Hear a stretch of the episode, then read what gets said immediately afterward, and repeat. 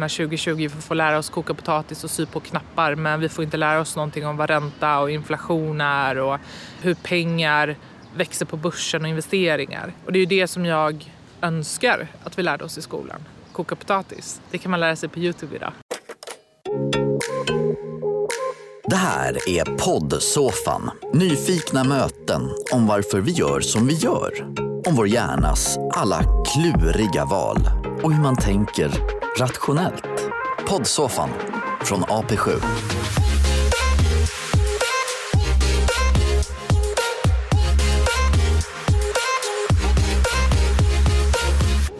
Hon köpte sina egna första aktier som 15-åring och sex år senare hade hon sin första miljon. Nu har hon blivit 27 och skulle ha fyllt Globen i början av mars om inte den där coronan ställde till det. På Instagram är det 37 000 som följer kontot Börshajen. Idag är det en utbildningsplattform för att få fler att engagera sig i sparande. Börshajen heter egentligen Andra Farad. Välkommen till poddsoffan. Tack så mycket. Vi sitter på två olika soffor här bredvid varandra i centrala Stockholm. Hur är läget? Jo, men det är fantastiskt. Det är sommar, solen skiner. Vi sitter här i Humlegården. Det kan inte bli bättre. Varför kallar du dig för Börshajen? Jag, jag började ju investera eh, och jag ville ju lära mig mer. Jag var väldigt ung och eh, gick med i en Facebookgrupp där det var väldigt många män. Eh, jag tror att jag var en av två eller tre kvinnor kanske.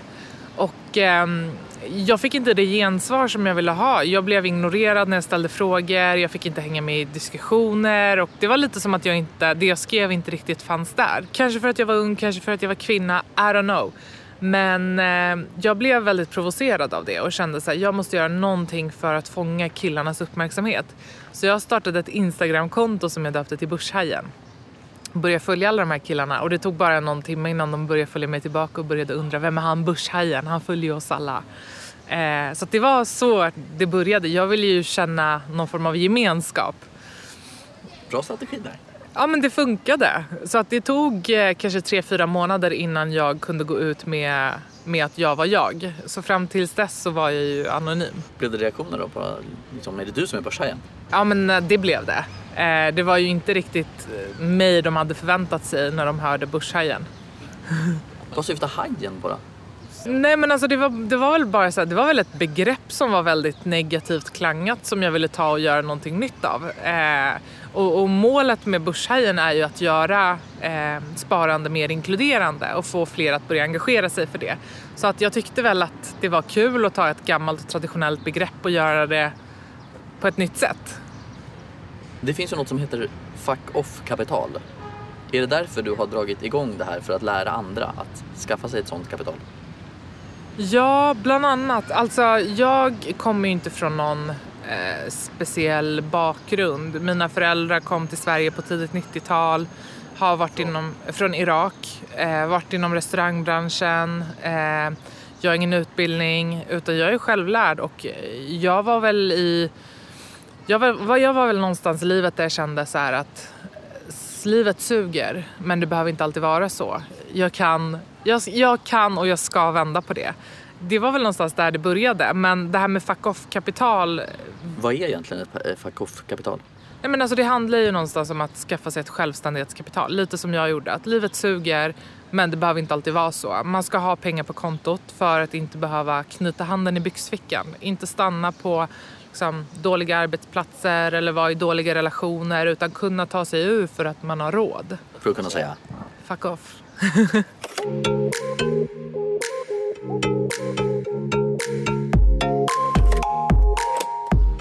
Tycker du att vi får lära oss för mycket om e- privatekonomi i grundskolan? Nej, vi får väl inte lära oss någonting. jag, har ju, jag har ju verkligen kämpat för att vi ska eh, få in privatekonomi i skolplanen men eh, det är väldigt svårt. Eh, jag, jag, kan tycka att eh, skolplanen är lite daterad. Jag menar, 2020 vi lära oss koka potatis och sy på knappar men vi får inte lära oss någonting om vad ränta och inflation är och eh, hur pengar växer på börsen och investeringar. Eh, och det är väl sånt som man egentligen behöver veta när man kommer ut i arbetslivet. Jag är många vänner som eh, eh, sprang till banken efter studenten och köpte, eller tog bolån och köpte bostäder. Eh, och, men hade ingen aning om eh, ja, men vad det innebär för dem om räntan går upp några punkter. Det har man ju inte kalkylerat med för man vet ju inte vad, vad det innebär. Eh, och det är ju det som jag önskar att vi lärde oss i skolan. Inte för att vi inte behöver koka potatis, men det kan man lära sig på Youtube idag. För att om man tittar på, eh, på hur det ser ut idag så ärver man ju ofta sin kunskap. Man har ju oftast någon i sin omgivning som kanske har ett intresse för privatekonomi eller jobbat på en bank eller någon annanstans och eh, lär det här vidare till barnen. Men många som till exempel mig där jag växte upp i en förort till Stockholm, jag hade ju ingen som kunde lära mig det här.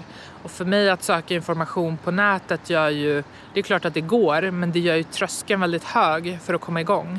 Eh, och det är ju det, är det vi behöver göra, både som individ men även som samhället i stort och även företag och banker och alla. Det är ju att försöka sänka den här tröskeln och få fler människor att tycka att det är kul och eh, viktigt att komma igång. För det är det. Det är ju väldigt svårt att få framförallt unga att börja pensionsspara för att det känns ju lite som att spara till en annan person för det är så långt fram i tiden. Eh, det blir så abstrakt. Eh, men samtidigt så är det väldigt viktigt för att min generation kommer ju leva väldigt länge. Vi ser ju hur samhället förändras. Det sägs att den person som först blir 200 år redan är född. Ja. Är det du? Nej, det är inte jag, men jag önskar att det var jag. Gör du verkligen det? Ja, men alltså jag tycker det är så häftigt. ränta på ränta-effekten? Nej, men alltså på riktigt. Jag tycker det är så häftigt med teknologin och allt det som sker som gör att livet förändras. Och jag vill ju vara med på den här utvecklingsresan. Det är ju det som driver mig. Eh, men förstår du vad häftigt att kunna vakna upp om 200 år och se vilken värld vi lever i? Det hade jag inte tackat nej till. Bra, den inställningen behövs. Förlåt, jag avbryter dig där. Eh, pension kan kännas som att spara till en annan person? Liksom? Ja, eh, alltså det är ju väldigt abstrakt att spara långsiktigt. Så på något sätt så måste vi få unga att förstå vikten av det och kanske knyta det till drömmar och mål och annat som är viktigt för dem bara för att kunna göra det lite, lite tydligare.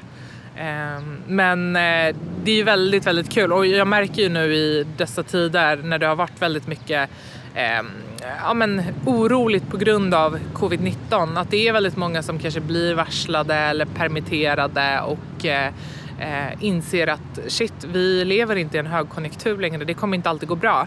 Så att jag behöver göra någonting för att förbereda mig för nästa kris, för den kommer ju komma. Sen vet ingen när. Eh, men det är ju fler än någonsin som börjar få upp intresset för sparande. Jag har nog aldrig fått in så mycket frågor från människor som undrar hur ska jag göra för att komma igång. Är det den vanligaste frågan? Ja, just nu. Definitivt.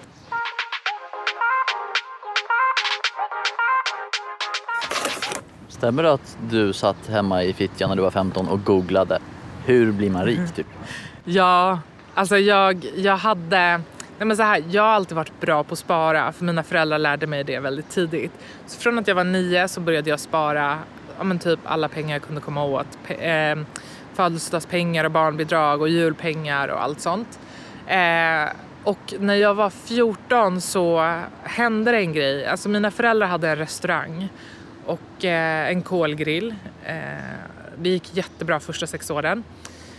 Men sen så hände det någonting. De hade en sån här sotgubbe som var där och skulle rengöra ventilationen och han tappade någon tygbit eller trasa som började brinna. Och det visade sig att mina föräldrar hade fel försäkring. Så att eh, allt det de hade jobbat för sen de kom till Sverige fick de ju lägga på att reparera och återställa den här restaurangen. Som brann? Som brann ner till grunden. Och eh, ett år senare när de öppnade igen, de levde ju på lunchgäster, då flyttade alla storföretagen därifrån. Så restaurangen gick i konkurs. Och då var jag 14 år och jag såg hur mina föräldrar, ja, men hur allt bara raserade för dem. Och det påverkade ju mig och mina två yngre syskon.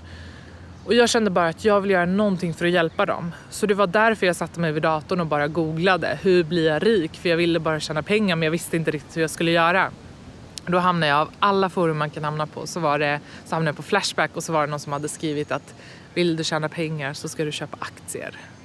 Och jag hade ju ingen aning om vad det var för någonting. Men det har du nu? Men det har jag nu. Eh, men det tog ungefär ett år.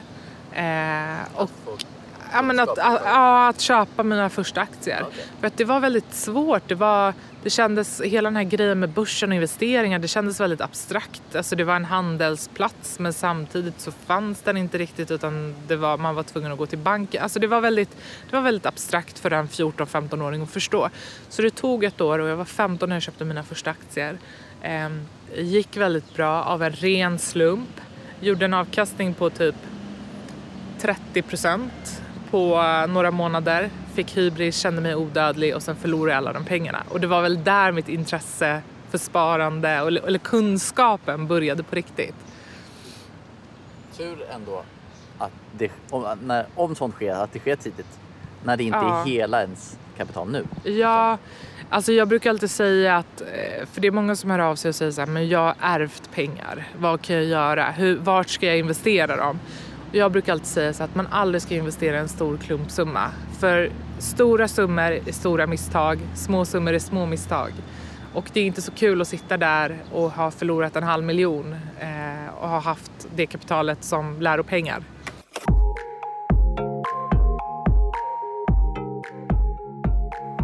Förutom att du ville hjälpa dina föräldrar där då, efter det som hände med restaurangen. Om vi skulle liksom besöka din 15-åriga hjärna igen. Det är ju inte många ändå 15-åringar som gör så som du gör. Påbörjar den resan. Vad är det som är i din hjärna? Nej, men jag tror inte att det finns något speciellt i min hjärna. Jag ser inte mig själv som liksom, någon särskilt smart person eller så utan jag har en drivkraft. Eh, och det är väl den drivkraften som tar mig framåt och ser till att det jag inte kan lär jag mig. Eh, så att jag tror nog inte att det pågick så mycket i min 15-åriga hjärna. Jag hade väl någon revanschlust där. Eh, för jag tyckte att livet var orättvist och folk inte var så schyssta mot mig. Men eh, det var väl den revanschlusten som drev mig och att vilja skapa en förändring för mig själv. Att jag liksom lärde mig att kanalisera min frustration och använda det till rätt saker. Du skulle ju ha fyllt Globen tidigare i vår här om, om det inte blev svårt att samlas väldigt många människor som det har blivit nu då. För fyra år sedan så höll du ditt första event eller föredrag i Alby och då kom det 15 pers.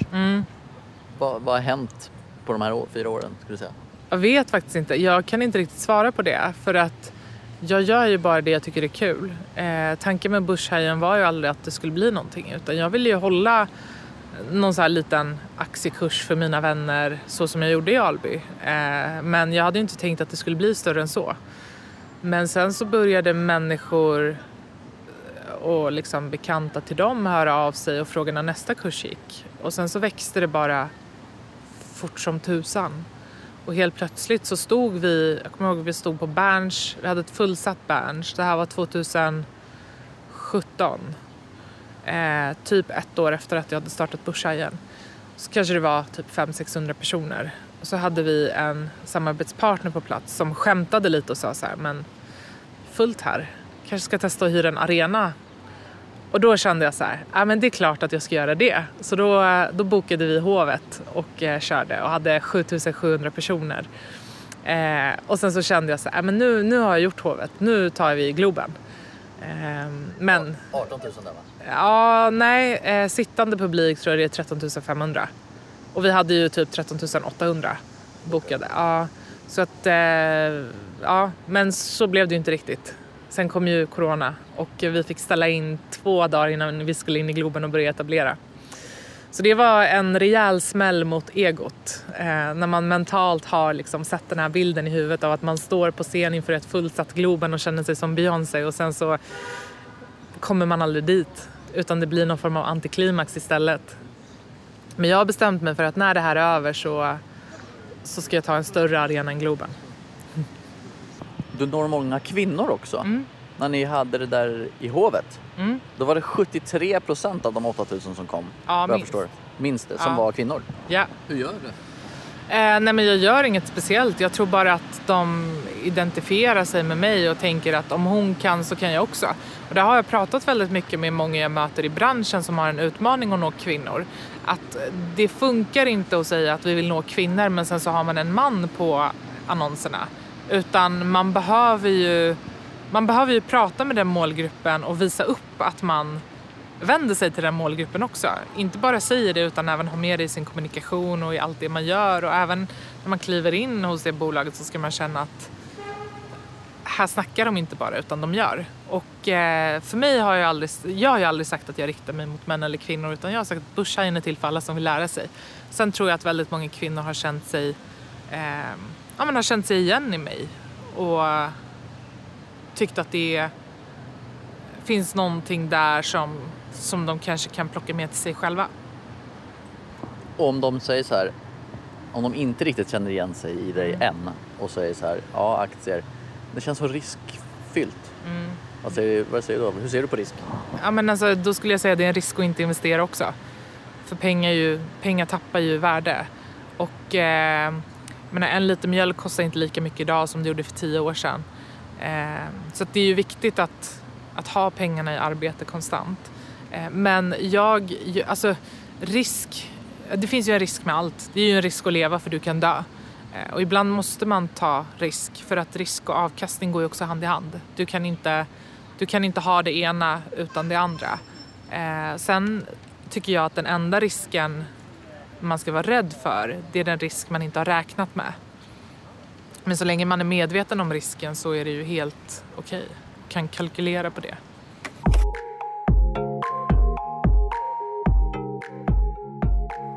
Kan du försöka ge mig ett brandtal om jag vore så här, gick i sjuan i högstadiet och det här med värdet av att fatta det tidigt i livet med långsiktigt, långsiktigt klokt sparande. Vad skulle du säga då? Hur långt får det vara?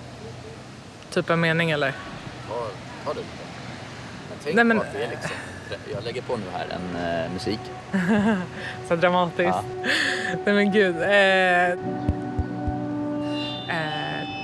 nej men jag skulle nog försöka förklara eh, hur mycket pengar kan växa. Små medel och långsiktighet. Tänk vad det kan göra för dig. Börja idag, för om 20 år kommer du ångra att du inte gjorde det. Där har du mitt brandtal. Sommaren då? Vad, vad gör du i sommar? Eh, jag ska börja skriva en bok. Eh, så att jag kommer nog sitta med den hela sommaren. Kanske åka ut i skärgården och ja, men, inte göra så mycket. Det blir en lugn sommar i Stockholm.